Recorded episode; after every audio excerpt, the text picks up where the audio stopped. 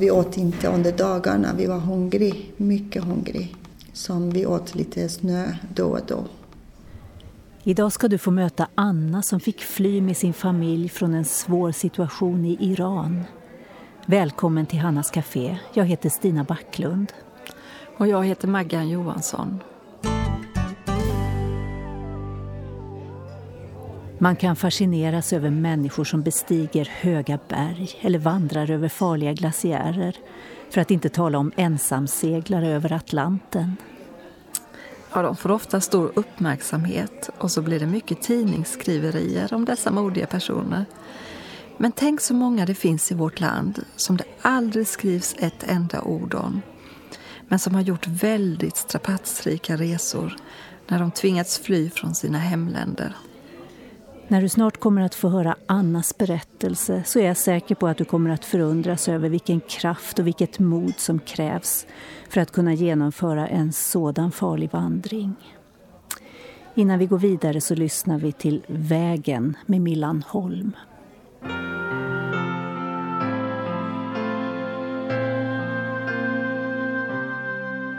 Är vägen smal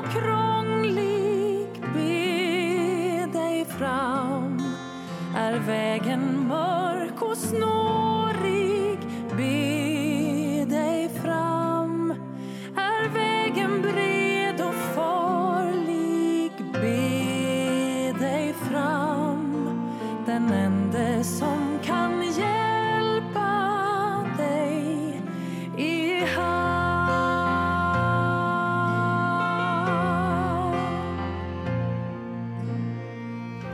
Jag kom eh, från Iran.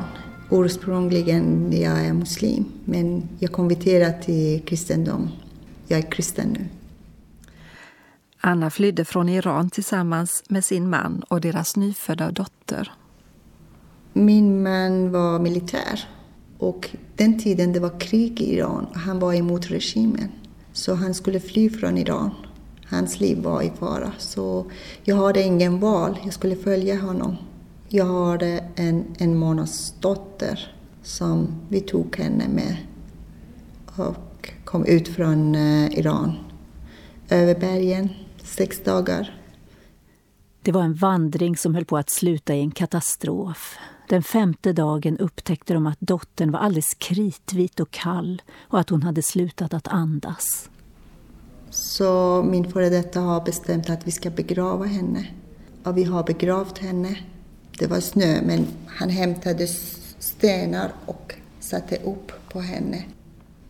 Det var inte min vilja, det var hans vilja. Och eh, sen eftersom eh, vår smugglare lämnade oss ensam i den dalen, vi kunde inte komma upp på Araratberg. Så vi bestämde att han ska gå och jag ska stanna. Jag kunde inte gå, jag fick en skada på min ben.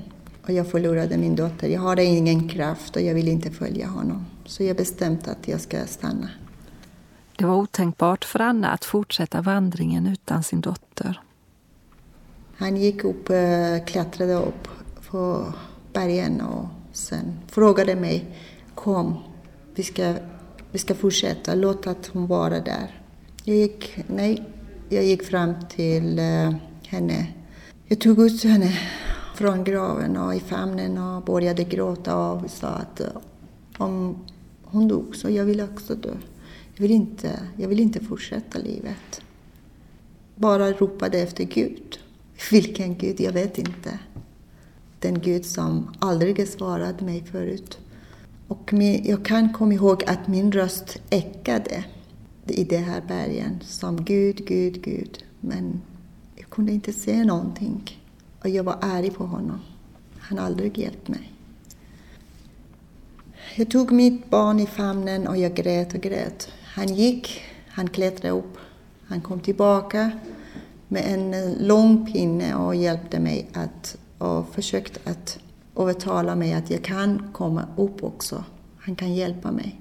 Så han drog upp mig, men på min villkor, villkor som jag sa, mitt barn först.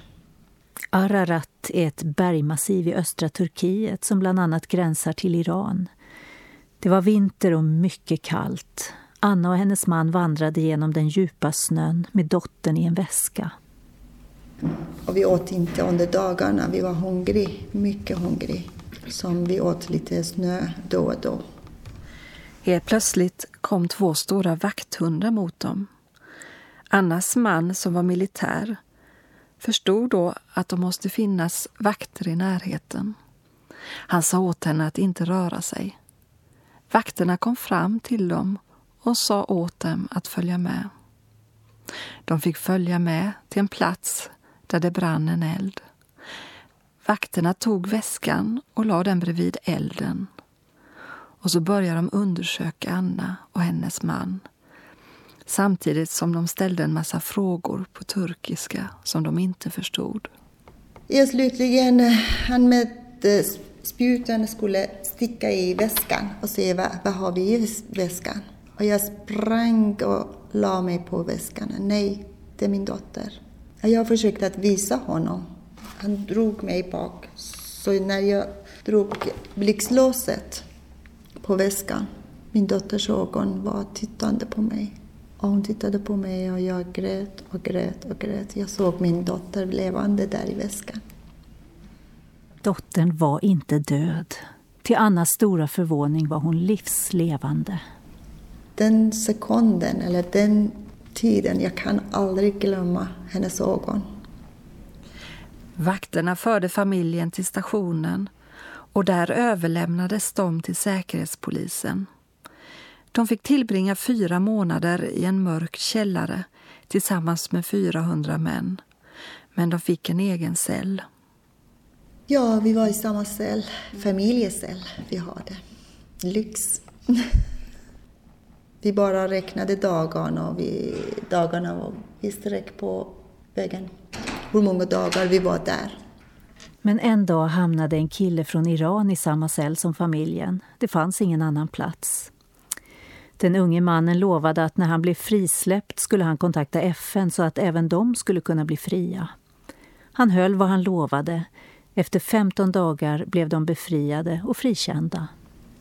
Sen eh, vi kom till Istanbul, nio månader vi stannade i Istanbul.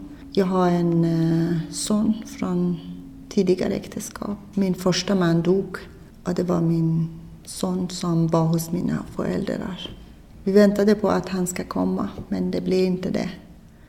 Till slut fick familjen uppehållstillstånd i Danmark och Annas son kunde förenas med familjen.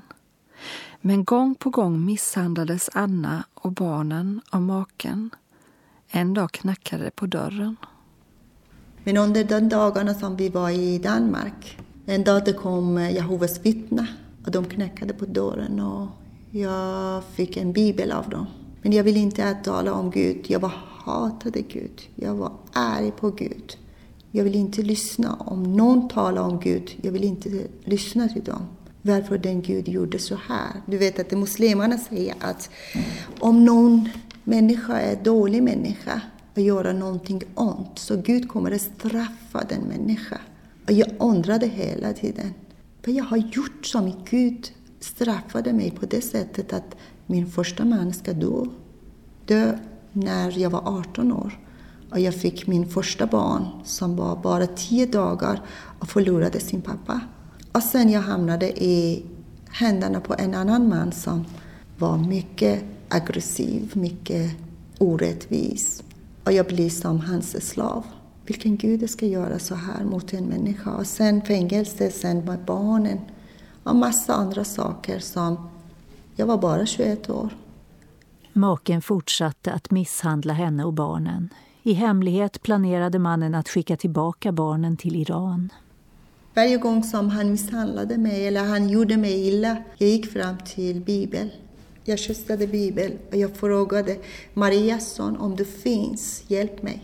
Och så konstigt, jag fick hjälp varje gång. Saker och ting hänt utan att jag har försökt att ta den. Till exempel med kidnappning.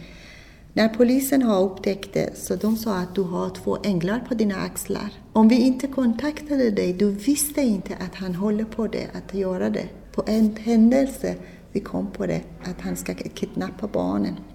Han har pass, allt klart. Han ska skicka barnen till Iran. På något konstigt sätt de kommer på att jag tror att den polismannen var troende. Han sa vilken kraft finns i dig. Jag har ingen kraft, utan nu jag förstår att det var Jesus kraft. Det bara ordet Jesus, namnet Jesus, räddade mitt liv, räddade mina barns liv. Vad var det med namnet Jesus? Hon kände honom inte, utan för henne var han bara Marias son. Varje gång som jag frågade efter någonting, när jag har kommit på att han ska kidnappa barnen, så bara Jesus, Marias son. För mig det var Marias son, inte Jesus. Om du finns, hjälp mig. Anna och barnen fick hjälp att fly till Sverige. De fick hjälp med lägenhet och så småningom fick de uppehållstillstånd. Hon började upptäcka att när hon ropade på Jesus så fick hon hjälp. Men vem var Jesus egentligen? Hon kände honom ännu inte. Men namnet Jesus det löste massa problem, men jag var trasig. Mina barn var trasiga. Jag var inte muslim, jag var inte kristen. En dag när jag var i Stockholm, jag bad Jesus, jag vill åka till Iran. Jag är trött, jag känner ingen här. Jag vill ha lite kärlek från min familj, jag vill ha lite hjälp. Och eh, jag är mycket främmande här. Vi är rädda att kontakta svenskar, vi är rädda att kontakta iranier därför om vår identitet kommer ut, han kommer att hitta oss och vi kan inte bo i det här stället. Vi ska fly igen och igen och jag är trött. På konstigt sätt jag fick eh, kontakta iransk ambassaden och jag fick ett pass. Jag åkte till Iran. Och där i första sekunden jag blev anhållen i Iran. Hur du åkte ut från Iran? Med pass? Nej. Du är flykting? Nej. Jo, det är du. Och de anhöll mig och de uh, sa att uh, nu är det svårt att du kommer ut från Iran. Och problemet började där igen. Det blev inte som Anna hade tänkt sig, utan hon hamnade i fängelse. Jag, må, jag tyckte att om jag åker till Iran jag kommer att må bra, men jag mådde sämre. Anna fick vara med om flera rättegångar. I tredje rättegången jag fick ett års fängelse. Medan eh, jag bad till Jesus och jag ropade namnet Mariasson. Då bara jag, jag tänkte, jag säger hundra gånger Mariasson i hjärtat. Mariasson, Mariasson. Och jag lovar dig, jag lovar dig, om jag kommer ut från det här istället. om jag kommer ut från Iran, jag lovar dig, jag kommer att bli kristen. Den här gången jag kommer att bli kristen.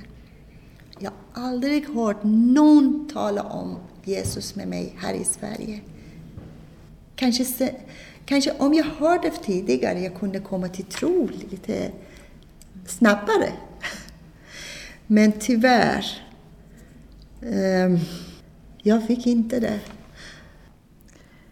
Anna var livrädd, men helt plötsligt ändrade sig mullan som skulle straffa henne och frikände henne. Anna var mycket orolig för att hennes pappa och hennes bröder skulle ta ifrån henne dessa viktiga dokument. Men plötsligt han tittade på mig, den mulla, och sa att varför gråter du? Alltså, varför gråter jag? Jag har två barn ensamstående, vem ska passa barnen? Snart jag kommer förlora mitt arbete, jag förlorar min lägenhet i Sverige. Jag har inte gjort någonting, det var mitt, min mans fel. Och ni säger att kvinnan är en del av ägodel för en man. Jag var hans ägodel. Han tog mig ut så, okej, okay, vad ska jag göra nu? Han skrattade, ah, aha, du kunde bestämma, men om jag stryker på ett års fängelse, vad kommer du göra? Och jag tyckte att han driver med mig, att skratta åt mig.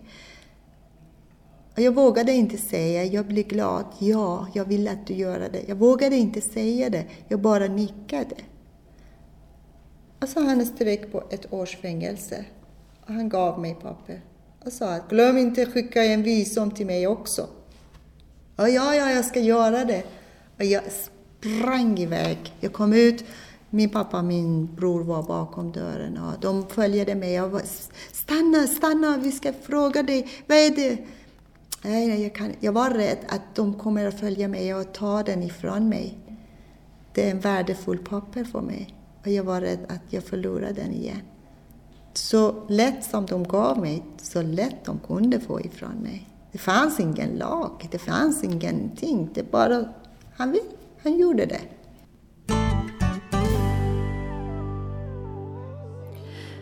När vi intervjuade Anna så berättade hon också om att hon har tagit till sig det bästa av två olika kulturer. Hon har bevarat sånt som var bra i hemlandet och tagit till sig det som är bra i Sverige. Ett hem är ju egentligen inte så beroende av ett speciellt hus eller en speciell plats. Bostadsorter och hus och lägenheter kan skifta. Men det är faktiskt vi som bor där som sätter sin prägel på hemmet. Vi ska nu lyssna till Många gånger med David Ivarsson. Sen ska Anna fortsätta att berätta om sin relation till Gud som blev hennes fasta punkt i tillvaron. Många gånger har jag sökt dig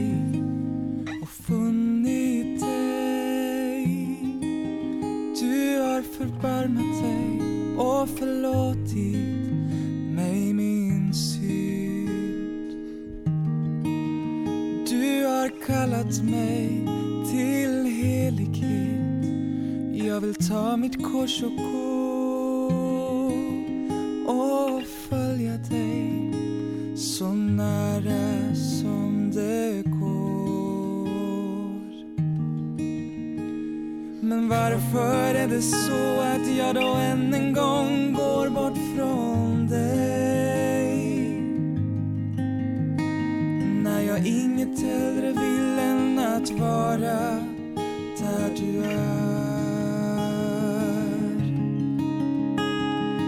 Varför är det så att jag då än en gång går bort från dig?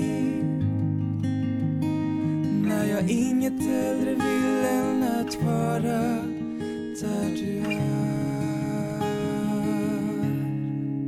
Många gånger har du sagt mig Jag älskar dig mitt barn jag förstår dig och jag vet dig men jag tror att du är den du är att du alltid funnits här och älskat mig. Nu bekänner jag att du är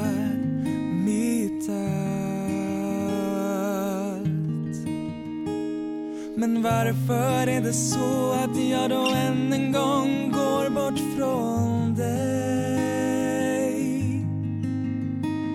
När jag inget hellre vill än att vara där du är Anna kom tillbaka till Sverige och nu började en ny resa för henne. Hon ville verkligen lära känna Jesus. Han som hade hjälpt henne så många gånger när hon hade varit i riktig knipa. Hon bad till honom om både arbete och ett hus och han fanns där och gav henne faktiskt allt hon behövde. Anna och barnen flyttade in i ett radhus. Men den tiden, när jag flyttade till det radhuset, jag hade en granne, eh, ett par iranier som de är gamla, men de är väldigt fina människor. Och de bjöd mig och barnen dit. Vi gick där och eh, de håller på att sjunga lovs lovsånger.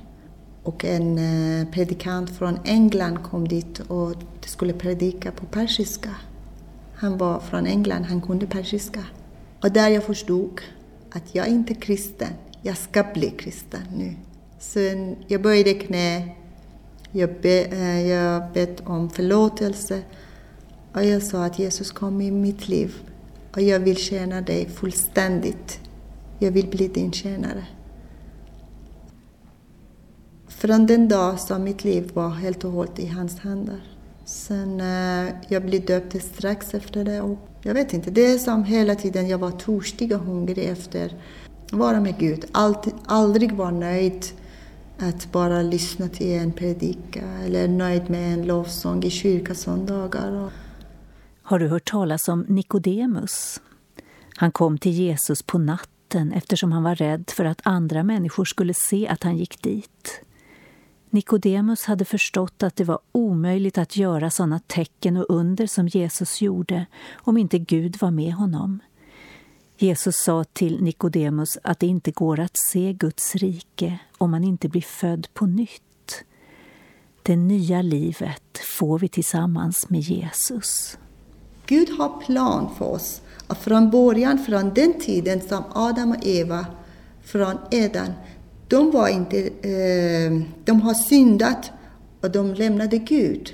Så Gud sa okej, okay, ni går på jorden till den dag som jag kommer rädda er.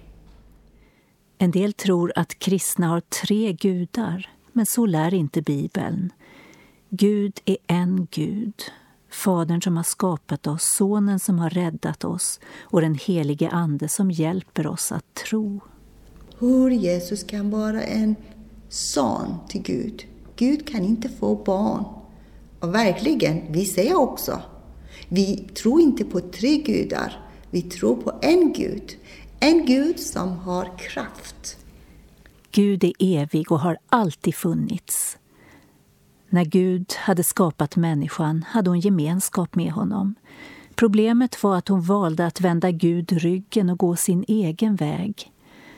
Människans ögon blev förblindade och kunde inte längre se Guds härlighet utan valde istället syndens och dödens väg.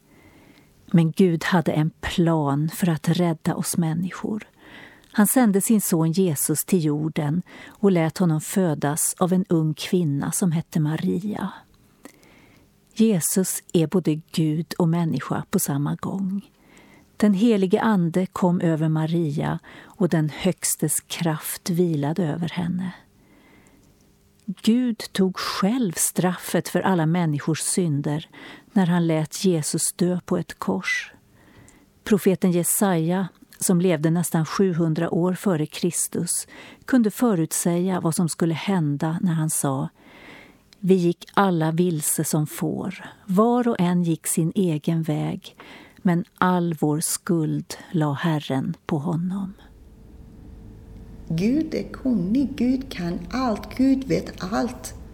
Så vi behöver inte att hjälpa eller gå från en annan väg. Vi kan gå direkt till Gud att därför Jesus har gjort med korset. Den vägen som han gick på korset, det var en bro mellan Gud och människa. Så den korset är verkligen en bro som vi kan gå över korset till Gud. Utan att bli rädd, utan att som han blir våran pappa. Gud är våran fader. Och han vill ha en relation, en relation som dagligen jag har med min, med min mamma, med min pappa, med min väninna. Jag kan ha sån här relation. Varför Gud har skickat heliga Ande, varför Gud har skickat Jesus. Jesus var 100% människa, samtidigt 100% Gud. Heliga Ande är nu för att hjälpa oss. Varje gång som vi ropar efter hjälp, hjälp mig heliga Ande. Han är, han är här, han är med oss och han kan vägleda oss. Guds rike blir synligt för oss när vi tar emot Jesus och tror att han har gjort allt för att rädda oss.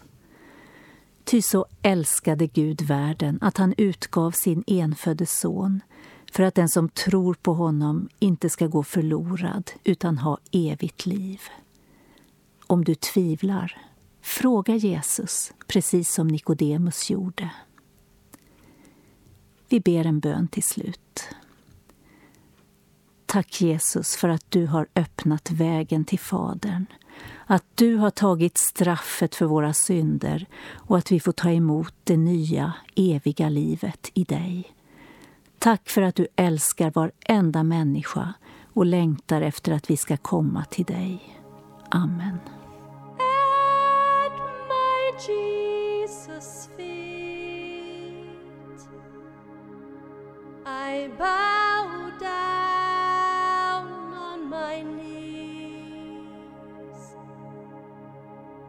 He looks into my soul. All my secrets will be unfold.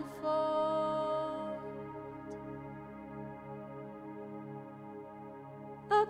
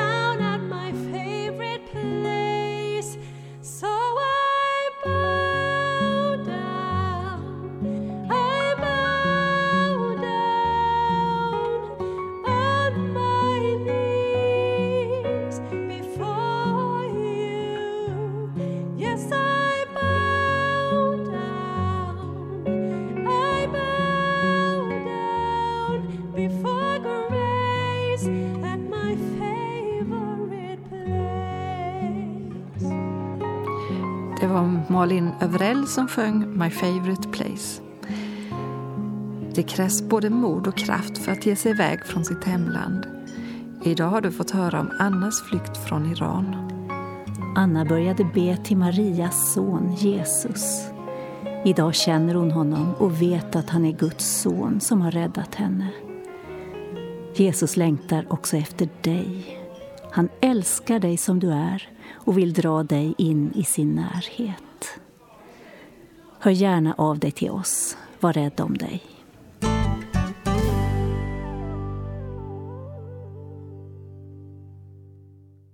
Hannas Café är producerat av Stina Backlund och Maggan Johansson för Norea Radio Sverige med adress Östergatan 20 262 31 i Ängelholm.